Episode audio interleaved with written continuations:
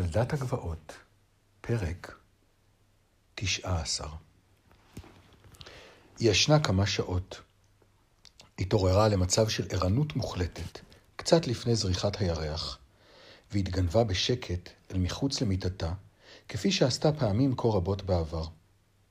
היא לבשה בחשיכה את שמלתה ואת צינרה, ולקחה את מעילה המכוסה בבוץ.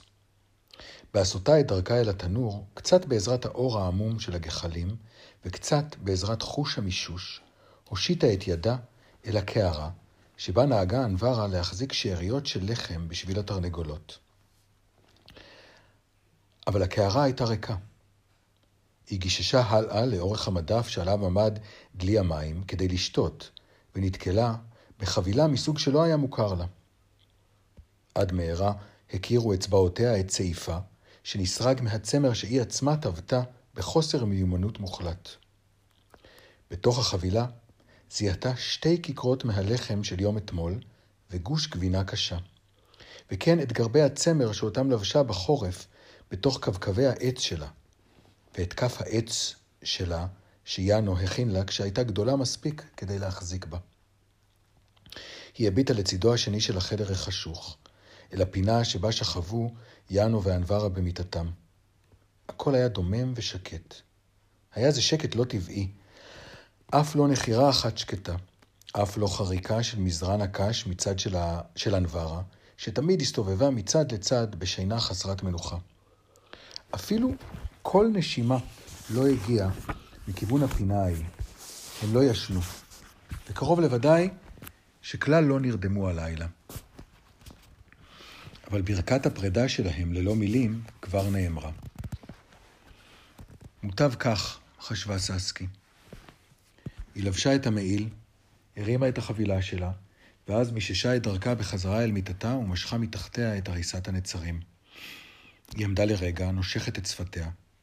לרגע הרגישה כמי שגונבת, ולו זו בלבד, אלא מאביה. אבל אי אפשר היה לעשות זאת בדרך אחרת. היא הוציאה את חמת החלילים מעטיפתה, העבירה את הרצועה בשקט על כתפה, ואז, בדממה, עזבה את הבית.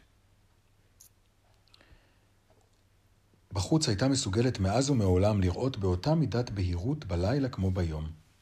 לרגע היא היססה, הציצה לאורך הרחוב האפל אל ביתה של בס הזקנה, ואז פנתה משם בצער. כאן לא הייתה ברכה כלשהי לשלום שיכלה הייתה להמתיק את הפרידה. אבל גם כאן אי אפשר היה לעשות זאת בדרך אחרת. ועם זאת, אולי, אולי עוד תשוב ותראה את בס הזקנה פעם נוספת. ירח חסר, צר בקצוותיו, עלה בשמיים בעת שטיפסה במעלה השביל המוכר שליד מטע עצי התפוחים.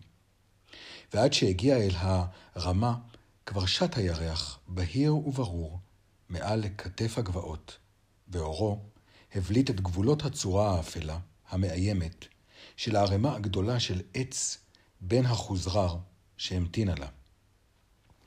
ססקי מיהרה לעבור שם, ואורה סומר. היא הקיפה את הערימה במעגל גדול ככל שיכלה. כעבור רגע דילגה מעל קיר האבנים המתמוטט, וכבר הייתה בגבעות הבטה. כאן הרגישה בטוחה יותר, אבל המשיכה ללכת. תחילה בצעד מהיר ובטוח, שהלך ונעשה מהוסס יותר ויותר. כל זה היה בערך בהתאם למה שתכננה. אך מה יהיה בהמשך? היא עצרה מהילוכה ליד ערימה של שחת קצורה בראש מדרון של גבעה, ועמדה רגע ובחנה את השמיים הנקיים למחצה מעננים, את הירח והכוכבים המנצנצים שוב ושוב בין עדרי העננים הנעים על פני השמיים. ואז שלחה את מבטה אל עבר גבעות הבטה הכהות, על צלליהן האפלים אף יותר מהן. על פי מראה הגבעות, ועל פי הקרירות, הלחות שבאוויר שעמד בורח של סלעים ושל שיחי אברש, הניחה שלפניה עוד שעתיים או יותר עד עלות השחר. היא הפילה מידיה את הצרור, הניחה בזהירות את חמת החלילים על אחד הסלעים, והתיישבה לידם. תם. אין טעם להעיר אותו משנתו בשעה זו. המעשה המכוער והנורא שאירע לה בערב לא יברח. האם עליה לגלות לו מה היא מתכוונת לעשות? או שאולי עליה לעשות את הדבר הזה קודם ולספר לו רק אחר כך, אם יהיה אחר כך? האם תצליח בכל זאת לעשות זאת? היא רק ידעה שהיא מתכוונת לנסות. אבל איך תצליח לגלות את כל הדברים שהיא חייבת לדעת ובדחיפות? זיכרונותיה היו קטועים ושסועים. קרוב לוודאי שטינקווה יספר לה יותר שקרים מאשר דברי אמת. הוא בוודאי יחשוב שזה תעלול נפלא לשקר לה, ולגרום לה להאמין במשהו שטותי. ולא היה לה מישהו אחר שאותו יכולה הייתה לשאול, אבל בעצם חשבה במרירות, יש מישהו נוסף כזה, או שלפחות ייתכן שהיה מישהו כזה בעבר. הפאבל הזה, או ההרל, או איך שלא קוראים לו. הוא היה נחמד ויפה כל כך. והוא היה כאן איתנו במשך איזה זמן, נכון יקירתי? כן, הוא היה כאן איתנו, נסיך. כמו תמיד, נפסקו בדיוק בנקודה הזאת האור הבהיר והקול המצלצל כפעמון כסף של זיכרונותיה. שמו היה פאבל, או אולי הרל. לפתע, באופן בלתי צפוי, המשיך הקול את דבריו. פרגיל, זה היה שמו, אני חושבת. כן, פרגיל. ססקי ישבה על הסלע כמאובנת, נועצת את מבטה במרחבי הלילה. ברגע שיצא החוצה מהתל, הוא היה מבוגר ב-55 שנים. אבל הוא לא היה מת או משהו כזה. כן, פרגיל, הדייג הזקן והמוזר, המבולבל ההוא, המטומטם הזקן. זה היה בתוך התל. היא פיתתה אותי להיכנס לתוך התל. כל הדברים חסרי הפשר והמבולבלים שאמר, כולם היו אמת לאמיתה. עכשיו, כשדמותו אל מול עיניה, הדמות הבודדה, הכפופה, הפנים הסחופים והעיניים החשדניות, המנהגים המעידים על זהירות עצבנית, ססקי כבר לא הרגישה אותו רצון לנקום בו, או לגרום לו לסבול יותר מכפי שכבר סבל ממילא. אבל דווקא לה היה אכפת, אבל דווקא לא היה אכפת לה להביא אותו לכך שיעזור לה. היא החליקה מהסלע, העמיסה על עצמה את חמת החלילים ואת הצרור, וירדה במורד הגבעה לכיוון הבריכה שבין גבעות הבטה וגבעות החול שסביבו. הוא היה שם. הכלב, דמות לבנוונה מאירה בזוהר הכסוף של אור הירח, שכב שרוע לפני פתח הדלת. ססקי לא השמיע קול כשפסעה על שביל החול המוביל אל הצריף, אבל הכלב התעורר, התרומם על רגליו, חותמו ואוזניו דרוכים. הוא גילה אותה כמעט מיד והחל לנבוח. כן, למה לא? תמשיך, תמשיך, תגיד לו שאני כאן, אמרה ססקי לכלב, ונעצרה לחכות באמצע השביל, גלויה לעין המתבונן. כשדלת חרקה ודמותו המרושלת, פרועת השיער של פרגיל, הופיעה בפתח, היא אמרה בקול, זו אני, ואנחנו צריכים לדבר. תגיד לכלב שלך להתרחק ממני. לרגע קפא במקומו, ואחר כך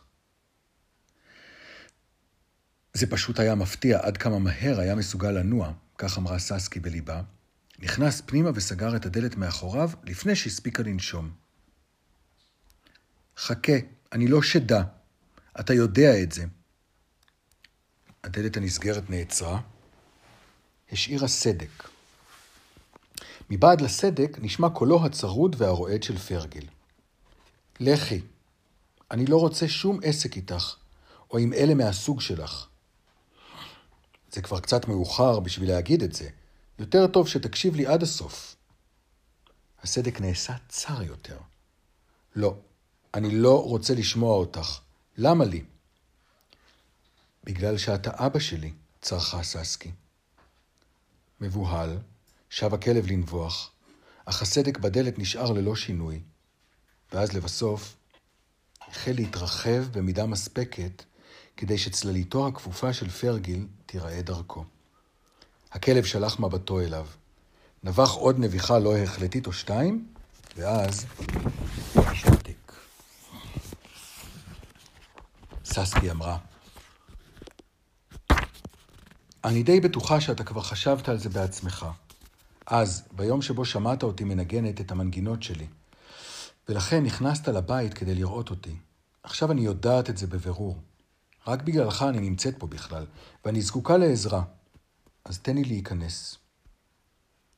הצל שבפתח נראה היה כאילו הוא נעשה כפוף עוד יותר, ואז, לאט לאט, נפתחה הדלת לרווחה. פרגיל פסע החוצה, מלמל משהו לעבר כלבו, והביט בה בעת שעברה על פניו ונכנסה אל החדר היחיד שבצריף. גודל החדר היה כמחצית מחדרם של יאנו ואנברה. אך אי הסדר ששרר בו היה רב כפליים. את המעט הזה הצליחה לראות לאורן של הגחלים שבתנור. כאשר התקין והדליק את, ה... את בדל הנר, קפצו הפרטים לנגד עיניה. מיטה הפוכה, שמצעיה פרועים, עשויה מסלילים של חבל קש, ומעילו הישן זרוק עליה.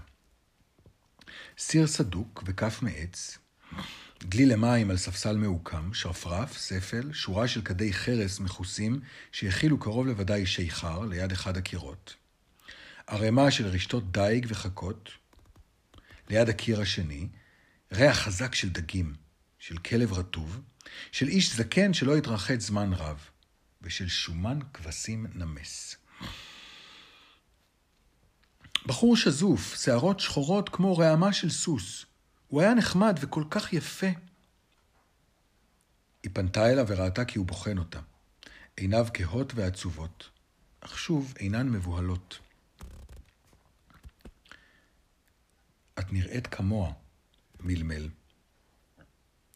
לא כל כך יפה כמוה, לא. את אפילו לא חצי ממנה אם מדברים על היופי, אבל את נראית כמו ההם, בני העם הנסתר. היא? כן, היא הייתה בעלת יופי בלתי רגיל, מדהימה ממש. פניו התרככו, ואז התקשו שנית. היא סידרה אותי כהוגן, כן, פשוט רימתה אותי, עשתה ממני צחוק. היית צריך לחשוב על זה לפני שהלכת אחריה, ענתה לו ססקי. עיניו התרחבו והוא אמר בהתגוננות. אבל היא אמרה שהיא תבוא אחריי, שהיא תצא מהתל ותחיה איתי כאן. בקולו הצרוד נשמעה מעין נימה מגומגמת של התנצלות. אני הייתי דואג לך, באמת, אם היא לא הייתה מסדרת אותי. כן, אני הייתי דואג לך. איזה טיפש, חשבה ססקי. פטי מאמין לכל דבר. הוא יאמין לכל מה שיספרו לו. טוב, בסדר, אבל כל זה כבר נגמר. מה שהיה, היה. אי אפשר כבר לתקן את זה. היא היססה לרגע, ואז החליטה להגיד זאת. אם אתה רוצה, אתה יכול לנקום, להחזיר להם קצת על כל מה שעשו לך. הוא נסוג באחת.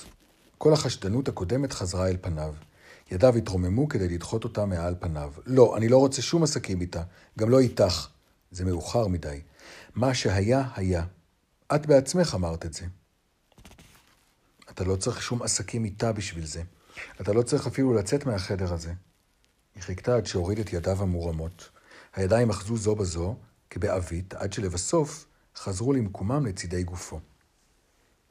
אם ככה, איך זה? שאל אותה. פשוט ספר לי כמה דברים שאני לא מצליחה לזכור. על התל. היא היססה, בלעה את רוקה, אבל המשיכה להביט לתוך עיניו. אני מתכוונת ללכת לשם ולהיכנס לתוך התל, הכי מהר שאפשר, מיד ברגע שאוכל. הם לעולם לא יניחו לך להישאר שם, לחש. אין לי שום כוונה להישאר שם. אני מתכוונת להחזיר להם קצת ממה שעשו לי. גם אותי הם סידרו. מה שבטוח זה שהם רימו את אימא שלי, את... פתאום לא ידעה איך עליה לקרוא להם. אנברה ויאנו. הם גנבו מהם את התינוקת האמיתית שלהם. זה מה שהם עשו, בני העם הנסתר. נכון, אמר. תמיד היה נדמה לי שזה מה שקרה.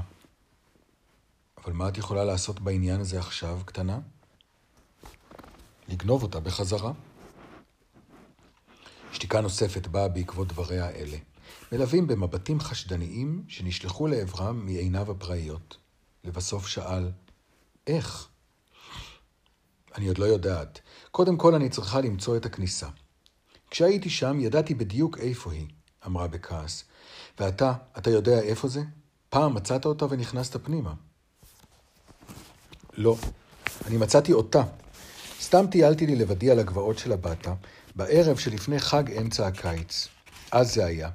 ופתאום נתקלתי בהם, חבורה שלמה של היצורים ההם, והם רקדו, והחלילה ניגן להם, וגם היא הייתה ביניהם.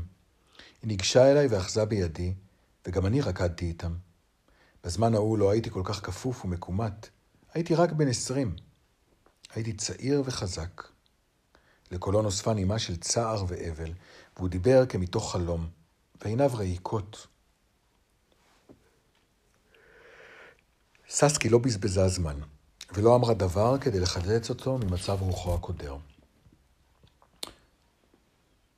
ומה קרה אחרי הריקודים? לאן היא לקחה אותך? אני לא ממש יודע, אמר פרגל, ממש כפי שציפתה.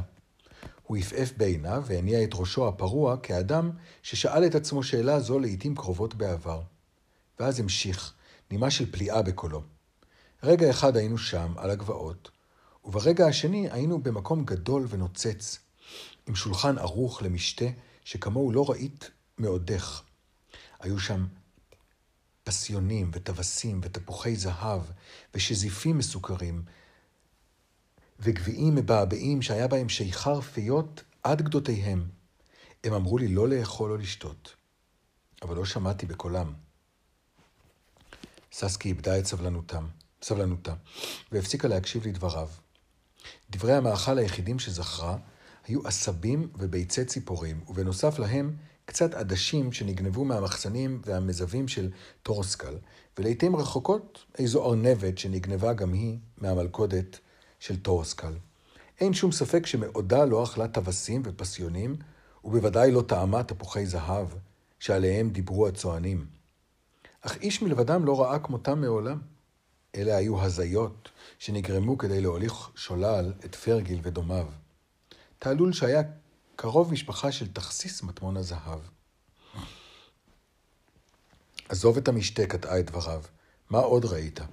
היכן בית הילדים, ואיפה בית התביעה וההריגה? ומה עם הרפתות של הפרות אדמות הקרניים? קרוב לוודאי שהם מחזיקים את הילדה הזאת באחד מהמקומות האלה.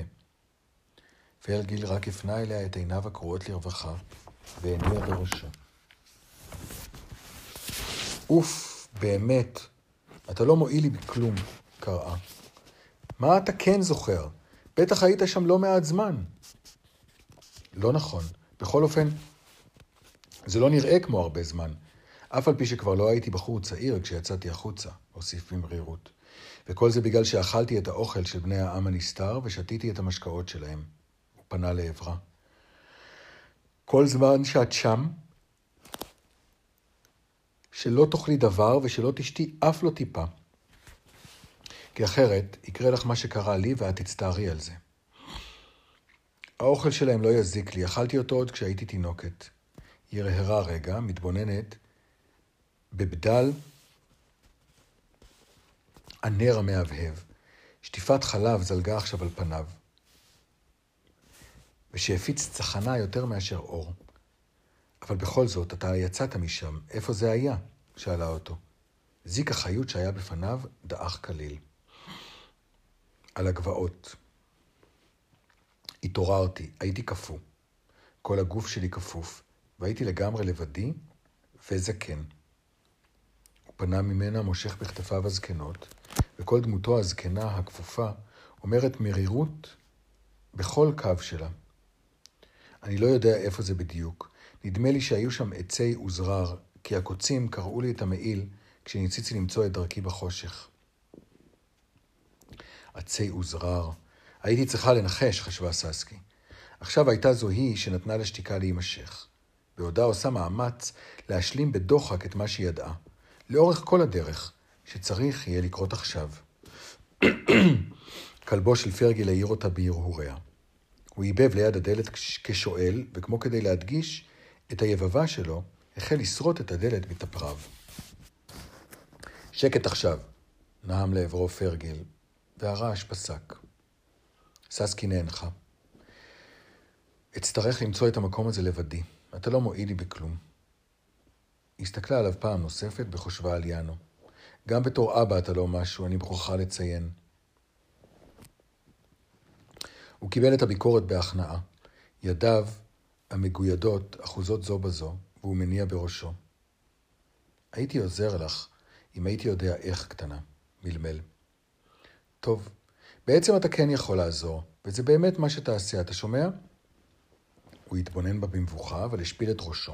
היא היססה לרגע אחד אחרון, ואז הבליטה את סנטרה והורידה את רצועת חמת החלילים מכתפה.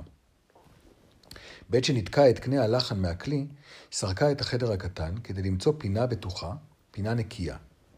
לא היה שום מקום כזה. היא פתחה את הצעיף, שעטף את צרורה, הוציאה את התחתונית הנקייה הנוספת שהייתה בתיקה, עטפה את החמת ואת קנה הבורדון והניחה אותם, בזהירות, באחת מפינות החדר. את קנה הלחן, שאותו נתקע קודם לכן, מכלי הנגינה, הכניסה לתוך צרורה.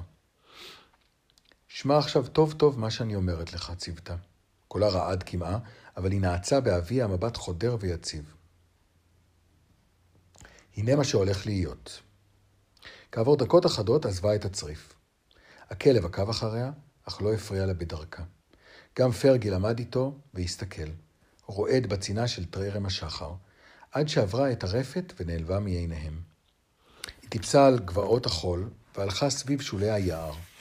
חצתה את אזור המרעה שעצי אלון היו פזורים בו, פה ושם, ומצאה את קרחת היער המבודדת שבלב סבך עצי האלסר, המקום שבו ביעבע המעיין ונשפך אל תוך הבריכה.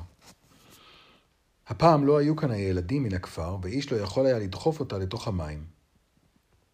המקום היה שומם ובטוח, מוקף בצל, כוכבים מעטים נצנצו במים. היא הניחה את צרורה, התיישבה לידו, על טלאי האזוב שעל הגדה. לקחה את קנה הלחן לידה והחלה לנגן מנגינה חרישית. היא ניגנה את אחד משירי הלכת שהכירה שהיה פראי במיוחד. הייתה זו מנגינה מוזרה מאוד וסודית, ואחריה ניגנה כמה מנגינות מסולסלות, תמהות ותוהות, מנגינות חודרות לב, שאותן לא הכירה קודם לכן. היא ניגנה עד שהשחר התבהר והיה כמעט לבוקר. ואז, עם הצליל האחרון המתמשך, הניחה לצפצוף הציפורים להשתלט ולתפוס את מקום נגינת החליל ולמלא את חלל האוויר. בהתקרבלה על האזוב, נרדמה לשעה. קנה הלחן חבוק, מהודק בבטחה אל חזה. כאשר התעוררה, החל כבר עתה להיעלם בשמש הבוקר. בזהירות, החזירה את קנה הלחן אל צרורה, עזבה את קרחת היער, והחלה בדרכה לעבר הגבעות כדי למצוא את תם. לספר לו מה שעבר עליה הלילה ולהיפרד.